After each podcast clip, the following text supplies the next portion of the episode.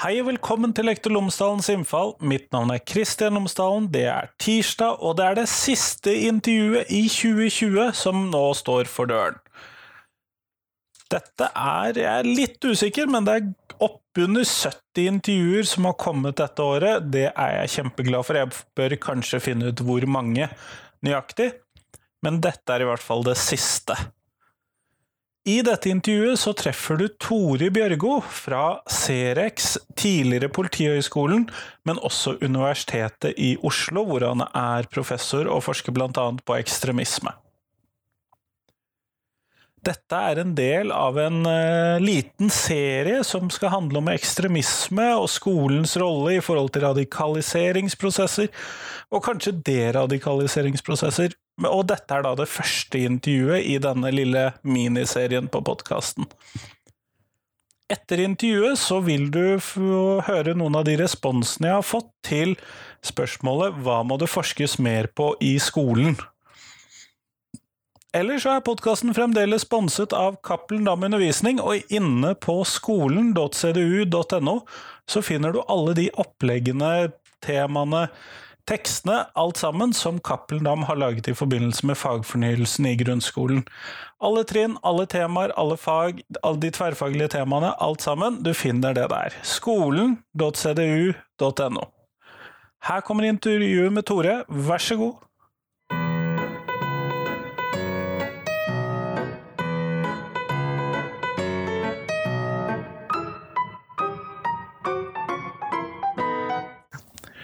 Tore Bjørgo, tusen takk for at du har tatt deg tid til meg i dag. Ja, det var bare hyggelig. Før vi starter selve intervjuet, så hadde jeg håpet at du kunne fortelle lytterne mine tre ting om deg selv, sånn at de kan få bli litt bedre kjent med deg. Ja, jeg er eh, til daglig leder for Senter for ekstremismeforskning ved Universitetet i Oslo. Eh, som særlig forsker på eh, høyreekstremisme, hatkriminalitet og, og politisk vold. Eh, jeg har forska, hvis vi skal ta det som det andre, at jeg har forska på voldelig ekstremisme i over 30 år. Starta på 1980-tallet. Og kommer nok til å forske på dette fram til jeg går av med pensjon, tenker jeg. Eh, og det jeg kanskje sjøl ser på som mitt viktigste bidrag innenfor uh, denne forskningen og innenfor kanskje bidrag til, til praksis, det er at jeg Eh, da jeg begynte å forske på dette feltet, så tenkte man gjerne at eh, hvis noen Vi må for all del forebygge at noen blir ekstremister, for har de blitt ekstremister, så er de fortapt. Da kan vi, det eneste vi kan gjøre, er å utstøte dem og isolere dem og fryse dem ut. Det jeg oppdaga, eh, det var at det er faktisk slik at de aller fleste av de som kommer inn i et ekstremistisk miljø, de slutter før eller seinere, eller de modererer seg, eller de trekker seg helt eller delvis ut. Derfor kan vi også Eh, arbeidet med å, å, legge til rette for uh, exit, altså det at uh, man bryter med, med, ekstremisme og kommer tilbake til et mer normalt liv. Og Det gjorde at jeg tok bl.a. initiativ til det aller første Exit-prosjektet, som starta i Norge i 1996-97, og som har spredd seg til en lang rekke land over hele verden. Så nå finner man Exit Sverige, Exit Tyskland, Exit USA f.eks. Kjempeflott, tusen takk. Og Det er jo nettopp ekstremisme som jeg har lyst til å prate med deg om i dag, men vi må kanskje begynne med hva er det vi tenker på når vi snakker om ekstremisme? Hva er det vi mener? Ja, det, er, det, er, to uh, dimensjoner av dette. og Det man oftest trekker fram, og det som er uh, sentralt i f.eks. PSTs definisjon av ekstremisme, det er, handler om at man mener det er legitimt å bruke vold for å oppnå uh, vinne fram en politisk sak. Eh, det å være radikal kan være at hun vil ha grunnleggende endringer, men hvis man mener at man nå skal bruke vold, så er det ekstremisme.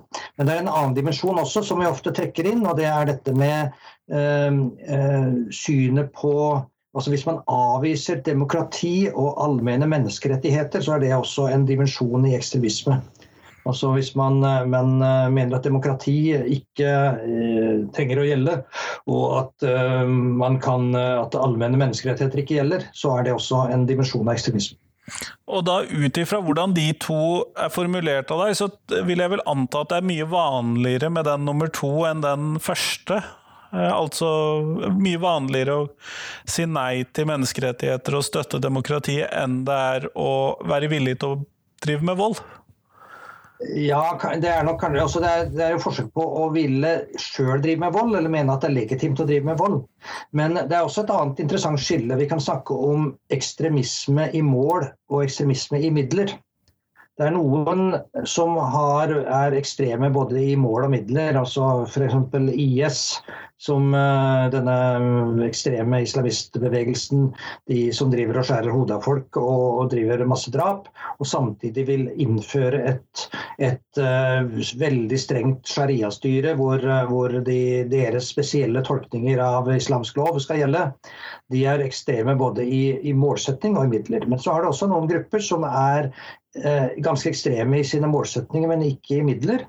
Eh, vi hadde f.eks. heter Islamnett i Norge, som er eh, en, en organisasjon, muslimsk organisasjon som vil, blant studenter særlig, som ville gjerne innføre sharia og den type ting, men de var mot terrorisme og mot bruk av vold. Da er de ekstreme i målsettinger, men ikke i midler. Er også motsatt. Vi hadde tilbake på starten av 1900-tallet hadde vi i England det som kaltes suffragettbevegelsen, som var en kvinnebevegelse som hadde som mål å få allmenn stemmerett for kvinner. Det må man si et ganske moderat mål sett med årsdagsøyne. Men de brukte bomber og attentat som virkemiddel. Så de var ekstreme i sine virkemidler, men ikke i sine mål. Det er en interessant forskjell. Men, og det som jeg gjerne ville prate med deg om i dag, er jo dette her med eh, vi som lærere vil jo av og til kanskje komme borti elever som har ekstreme holdninger eller tilhører ekstremistiske miljøer, eller denne typen eh, Kanskje er det en radikaliseringsprosess, eller hvilke ord vi nå skal bruke på dette. og Da er jo problemstillingen hvordan skal vi som lærere møte disse elevene på en best mulig måte? Jeg tror det, det, viktigste er å ikke få sånne panikkreaksjoner og, få, og kanskje komme med veldig forhasta beskyldninger. Jeg har eh, vært borti uh, ungdommer som har, eller, uh, som har, eller voksne som har sett tilbake på sin ungdomstid og, og forklart liksom, hvordan ble det til at de ble, ble nynazister. Og da var det en som fortalte. For at han hadde, da de hadde undervisning om andre verdenskrig og det kom inn på bombingen av Dresden, og, som jo førte til en, en fullstendig rasering og masse sivile tap i, i um, av sivile tyskere, så stilte han spørsmål var ikke dette en krigsforbrytelse. Og Da fikk han en voldsom reaksjon fra læreren om at han ble beskyldt om å være nazist og nazisympatisør det hele.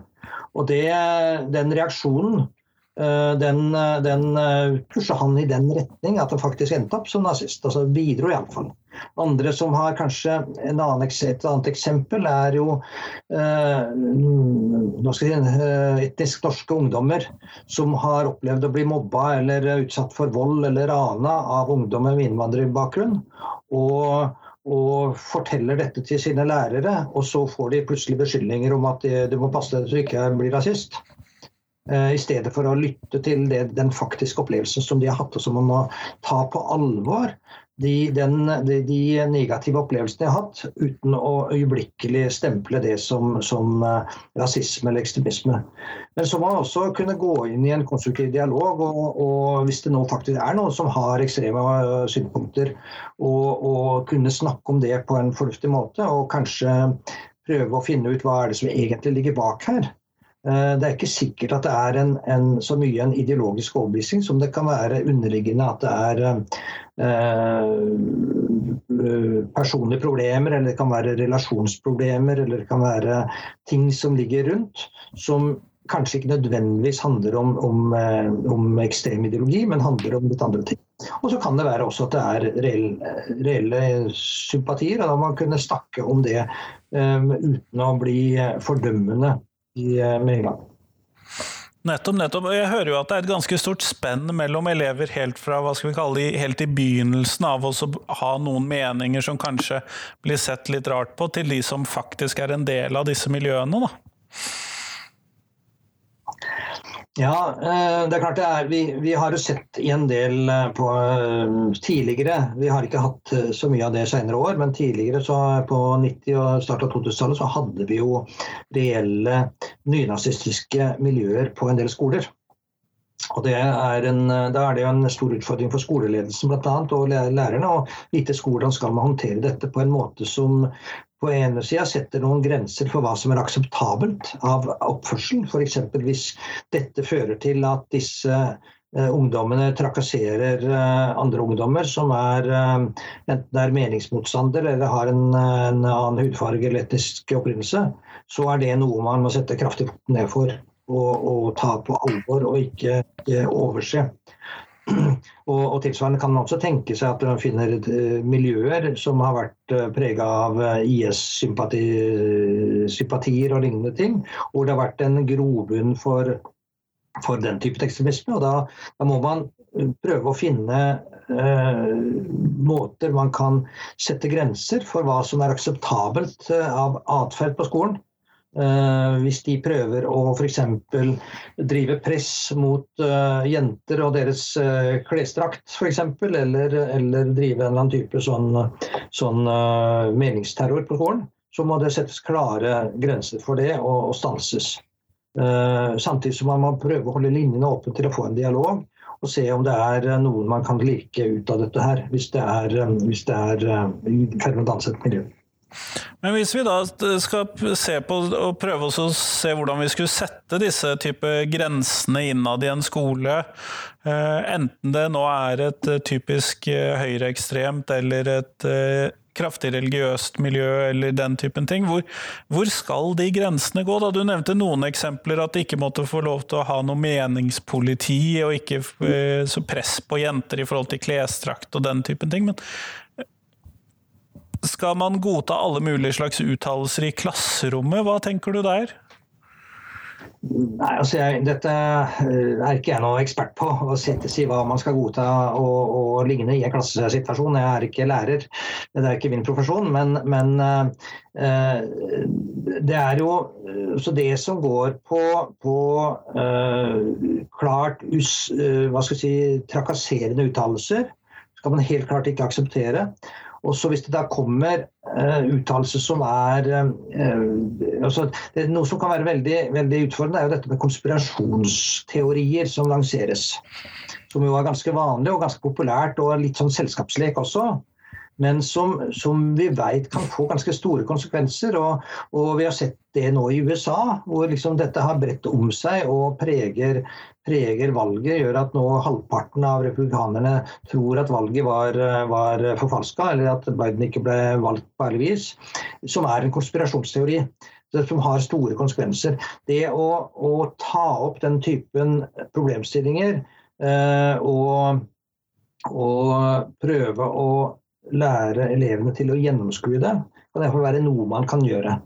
Så det å, det, det å, å få elever til å skjønne at det ligger en, en, slags sirkulær logikk i dette her, som gjør at sånne teorier ofte blir, blir umulige å, å, motbevise, fordi at de, har, de bekrefter alltid seg sjøl.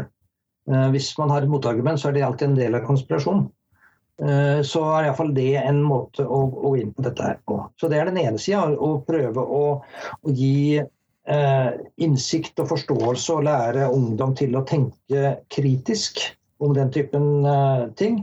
Men den andre sida handler om det om, om, hva er det de eventuelt, eller hva er det som, som framkommer i klassesituasjonen som går på trakasserende, truende uttalelse som, som, ikke er akseptable. Så må det være rom for meningsforskjeller.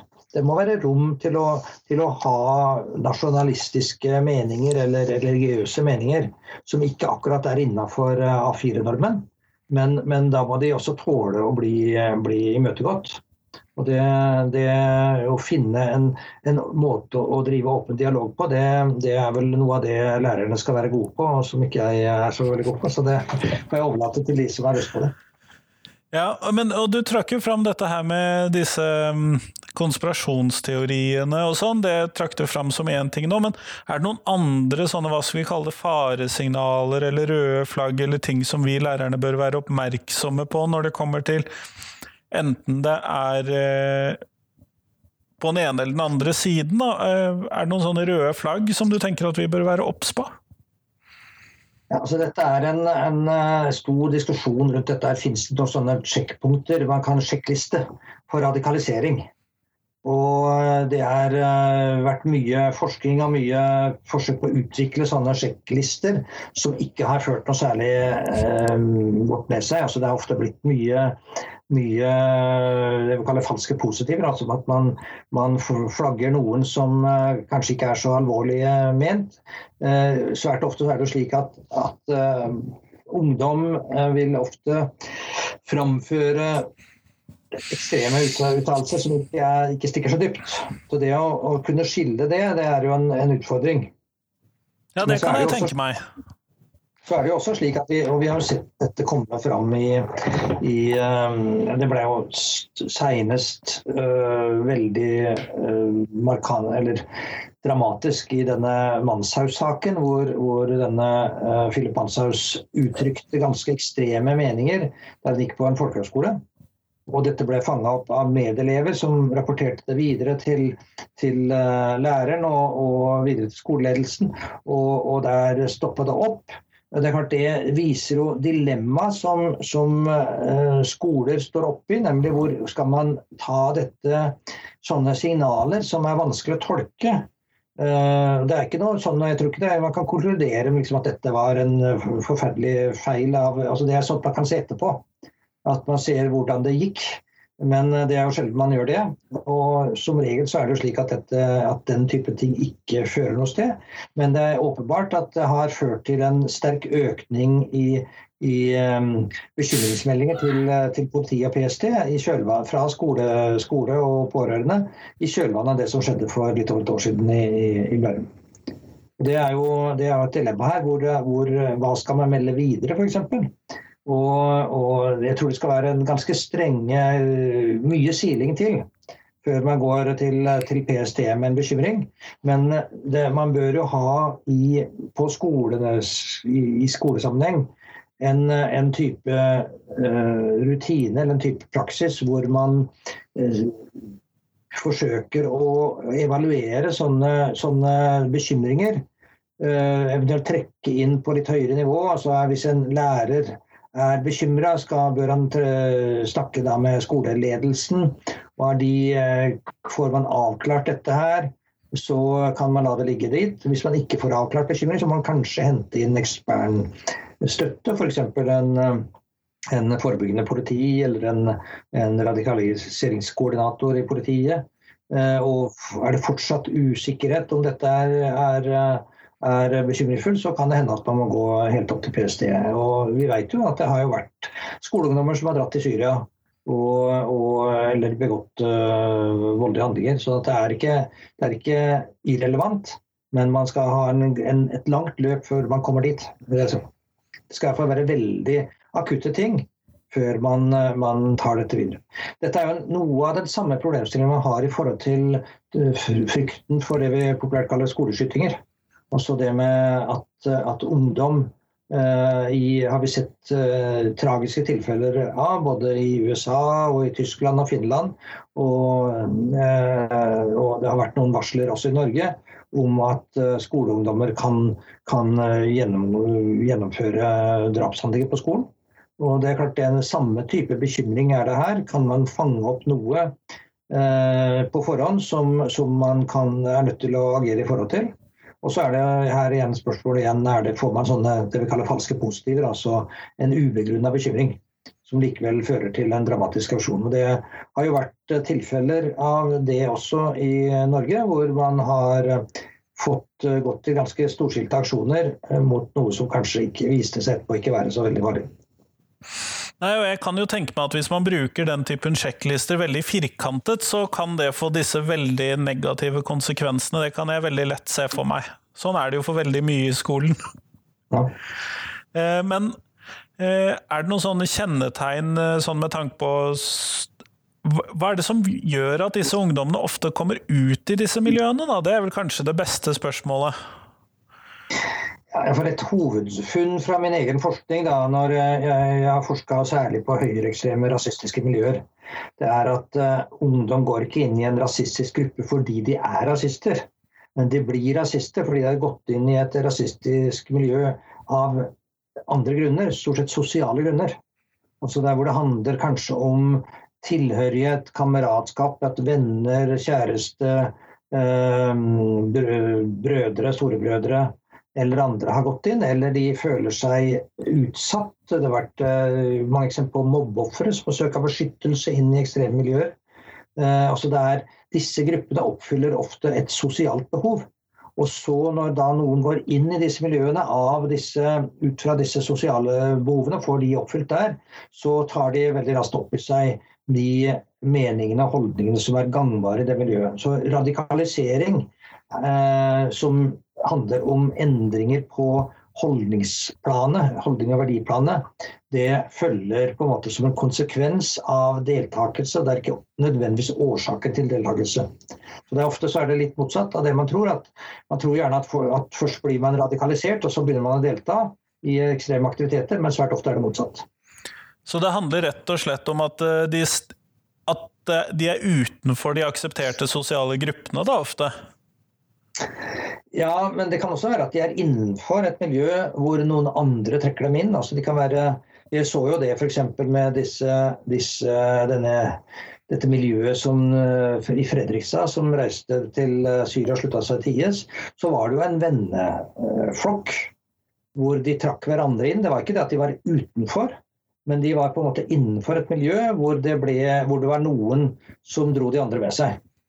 Så da er det ikke nødvendigvis Det, det, det er jo ikke slik at det er en én enkelt årsak. Det er ikke slik at det er eh, altså Viggo Venneløs nødvendigvis som er den som drar inn. Det kan være at, er, eh, at de drar med vennene sine.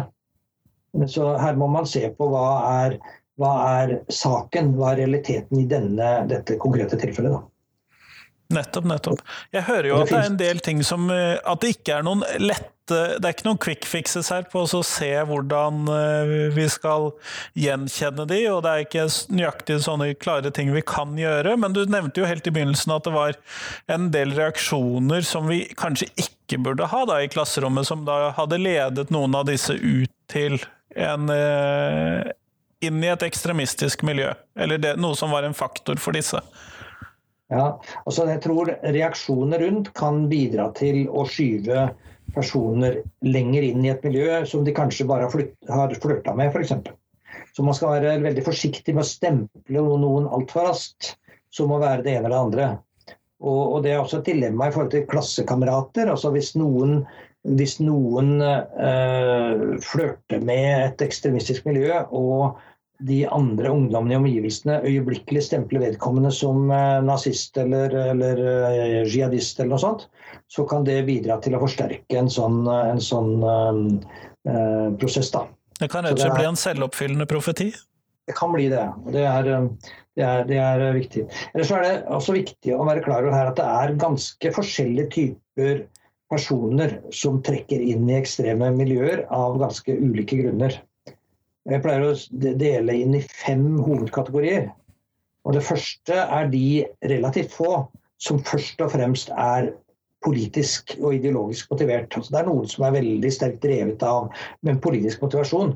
Og De er de færreste, men det er ofte de som ender opp som ledere.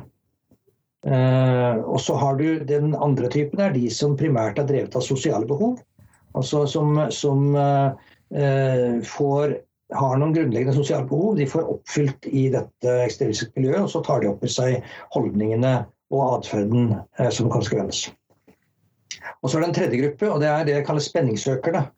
De som er veldig eh, opptatt av action og vold og krig og, og sånn. Kanskje får de noe utløp av det å spille dataspill, men en del syns at det etter hvert blir kjedelig. De vil gjerne oppleve det i virkeligheten. Og Der har vi sett uh, sånne personer som har dratt til eh, IS i Syria for å oppleve krig på ordentlig. Eller slutta seg til et, et uh, annet ekstremistmiljø fordi de syns det er spennende å slåss. og de er ofte de som kan stå for ganske mye av volden. Og så har du en, en, fjerde type, og det er de som er det vi kan kalle de sosialt utslåtte. Det er de som ofte har hatt en forferdelig oppvekst. Eh, kanskje oppdratt med vold. Eh, en familie preget av rusmisbruk og psykiatri ender ofte sjøl opp i kriminalitet og i, med rusbruk og vold. og som på en måte blir frelst inn i et, et ideologisk miljø hvor de får en eller annen type eh, ideologisk aksept for det de er gode til, nemlig vold og kriminalitet. Der ser vi at det har vært eh, veldig mange av de som har, har, dratt som fremmedkrigere til Syria, har kommet fra et miljø med kriminalitet og har et kriminelt rulleblad. Det samme gjelder nynazistmiljøet. PST har gjort studier av dette som viser at det er en, en veldig høy andel av, av, både de som blir nye høyreekstremister og de som blir militante islamister som, som har en kriminell bakgrunn. Og Den siste gruppa som jeg ofte glemmer, det er de som blir født inn i det. Altså Vi har sett at det er enkelte som vokser opp i familier hvor foreldrene er ekstremister, og hvor de bare blir en del av en, en familietradisjon. Og Det ekstreme tilfellet er jo de barna som vokser opp uh, hos IS. Som er uh, den eneste virkeligheten de kjenner, er denne, denne voldsvirkeligheten og den ekstreme virkeligheten. der. Nettopp, nettopp. Og det, jo, og det, knytter seg jo helt opp til en rekke politiske debatter som har gått det siste året, hører jeg jo i seg sjøl. Ja. Det som er også viktig, da, det er at vi kan jo da altså, ikke ha noe sånn derre uh, one size fit all på dette her. Fordi at det er, uh, det er så forskjellige bakgrunnsfaktorer som, som ligger her. Og, og det, det, er helt forskjellige virkemidler man bruker for å kunne forebygge disse ulike typene. Da. Dette er jo sånne idealtyper som kaller det. Altså, enkeltpersoner kan kanskje ha trekk av flere av disse, men, men det er nyttig å, å, å, ha disse som sånne, sånne analytiske typer, som vi kan tenke hvordan kan vi lage, forebygge Eh, de ulike personene. Det er kanskje noe annet man trenger for de som er spenningssøkere, enn de som er ideologisk motivert. Kjempeflott. Uh, Tore, vi går mot slutten av podkastintervjuet, og da vil jeg gjerne stille deg mitt avsluttende spørsmål som jeg stiller til alle jeg intervjuer. Uh, og det er rett og slett vi, Hva er det aller viktigste skolen lærer elevene, hvis du skal velge tre ting? Ja, det, det, er klart det, det, Noe av det viktigste man lærer på skolen, er jo de basiskunnskapene man får. altså Det er det man sånn eh, skal lære. Men det andre som jeg eh, syns er, er, viktig, eh, og som jeg har møtt på mye, da, det er dette med å, å være god i språk. Altså det å kunne skrive og uttrykke seg både på norsk og på et fremmedspråk, først og fremst engelsk, men kanskje også andre fremmedspråk, er helt nødvendig i, i, dagens samfunn. Altså jeg ser altfor mange som skriver veldig ubehjelpelig og uttrykker seg veldig ubehjelpelig og får ikke fram det de mener. Eh, det er klart det er veldig viktig hvis man prøver å skal ta høyere utdanning, men det er også viktig i, i, de aller fleste andre yrker at det ser veldig lite overbevisende ut hvis man ikke kan uttrykke seg godt. Og det å kunne et godt et fremmedspråk, det blir mer og mer nødvendig. Altså Engelsk er, er selvfølgelig det, det, de fleste nå kan, men kan, jeg har hatt mye glede av å kunne litt tysk. Jeg er ikke noe god i tysk, men jeg kan nok til å, til å komme meg fram i tysktalende land, f.eks. Og Det tredje som, som jeg syns er, er, veldig viktig, det er at man får eh, innprenta i elevene en grunnleggende forståelse av demokrati og menneskerettigheter.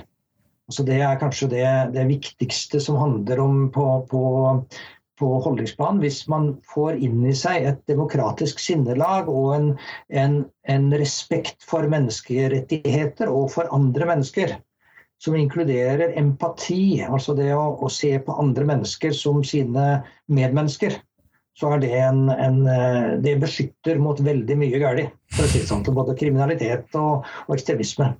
Eh, så det er på en måte primærforebyggingen eh, vi kan gjøre her. Kjempeflott. Tusen takk for at du tok deg tid til meg i dag. Bare hyggelig.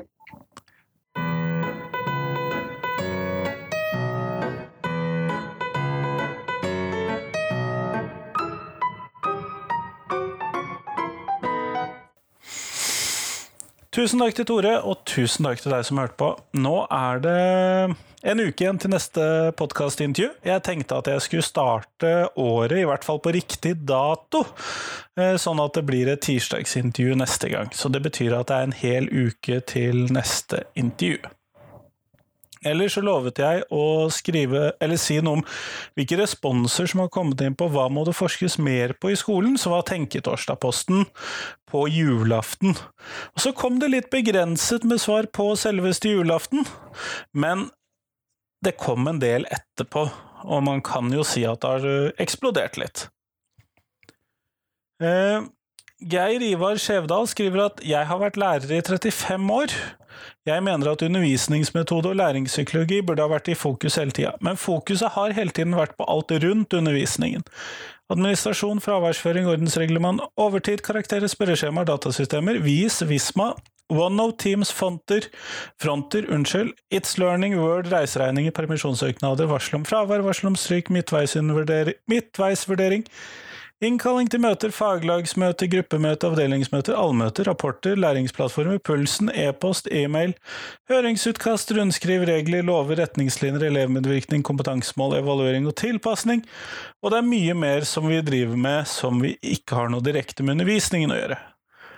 Eh, Ruth Kjeldsen skriver at i Sverige ble det gjort en kartlegging blant skoleledere hvilke kunnskaper de hadde om autisme, ADHD, dysleksi osv. Svært deprimerende tall, for å si det mildt. Så sier innovasjons- og ledelseslitteratur at endringer må være forankret i ledelsen. Da kan en fort forstå hvorfor ting går galt i skolen for disse barna. Anne Gurine Kletten følger opp med hvordan er skolen tilrettelagt for de med lese- og skrivevansker. Eh, Stein Wolf Rundlund eh, fremmer hvordan skape trygge rom for skeive elever, at det må forskes mer på det. Silje Stadheim skriver om læreren som får mer arbeidsoppgaver, men ikke mer tid. Mats Tufte Målskred er kanskje i det humoristiske hjørnet, men definitivt interessant. Hvor mye kaffe drikker en lærer hver arbeidsdag i gjennomsnitt, og hva slags kvalitet er det på kaffen? Um, Elise Volstad følger opp dette med eller hvor mange kopper tar man med seg som aldri blir drukket opp? Um, Torgeir Bull sier at vi bør forske mer på om mengden skjermer barn utsettes for hver dag kan ha uforutsette langtidsvirkninger. Eh, Eva Melhus ønsker mer forskning på årsverk, oppgaver og leseplikt, spesielt på barnetrinnet, med tanke på oppgaver i forhold til undervisning. Eh, så er det selvfølgelig et spørsmål om er ikke alt forsket på i skolen, ble det stilt spørsmål om. Jeg tror ikke det. Jeg finner i hvert fall stadig vekk ting som vi trenger å forske mer på. Eh, sånn at jeg tror ikke det. Eller så skriver Kristine Victoria Magnus at hun ønsker mer forskning på nevrodiversitet og undervisningsmetoder og læringsstrategier, og ufrivillig skolefravær, eller eh, skolevegring, som hun sier. Eh, Hilde Johannessen sier at det ikke må forskes mer, vi trenger bare mer tid. Og så skal ikke jeg tro at jeg er enig i det, for det er jeg ikke, for jeg tror vi trenger mye mer forskning, men det er kanskje ikke lærerne i klasserommet som skal gjøre dette. De skal, bør helst få mer tid, tenker jeg. Eh, Gro Santi Johnsen sier 'hvordan løfte de ressurssterke elevene'? Eh, Mona Wahlstrøm legger til 'hvilket læringsutbytte gir 60 minutterstimer i forhold til 45 minuttersøkter'? Eh, og det er jo et ganske interessant spørsmål.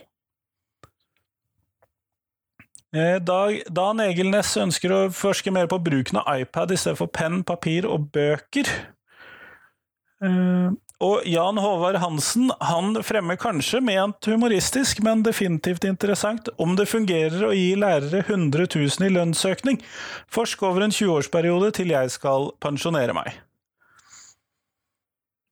Sånn, det er noen av de tilbakemeldingene som jeg fikk på ukens Tenketorsdag-post. Gå tilbake til 24. desember, det er julaften, den klarer du antagelig å finne. Og svar på hva tenker du, hva må det forskes mer på i skolen. Men nå er det fram til tirsdag før det kommer en ny episode. Jeg gleder meg til det. Så får du ha en fin uke. Hei, hei.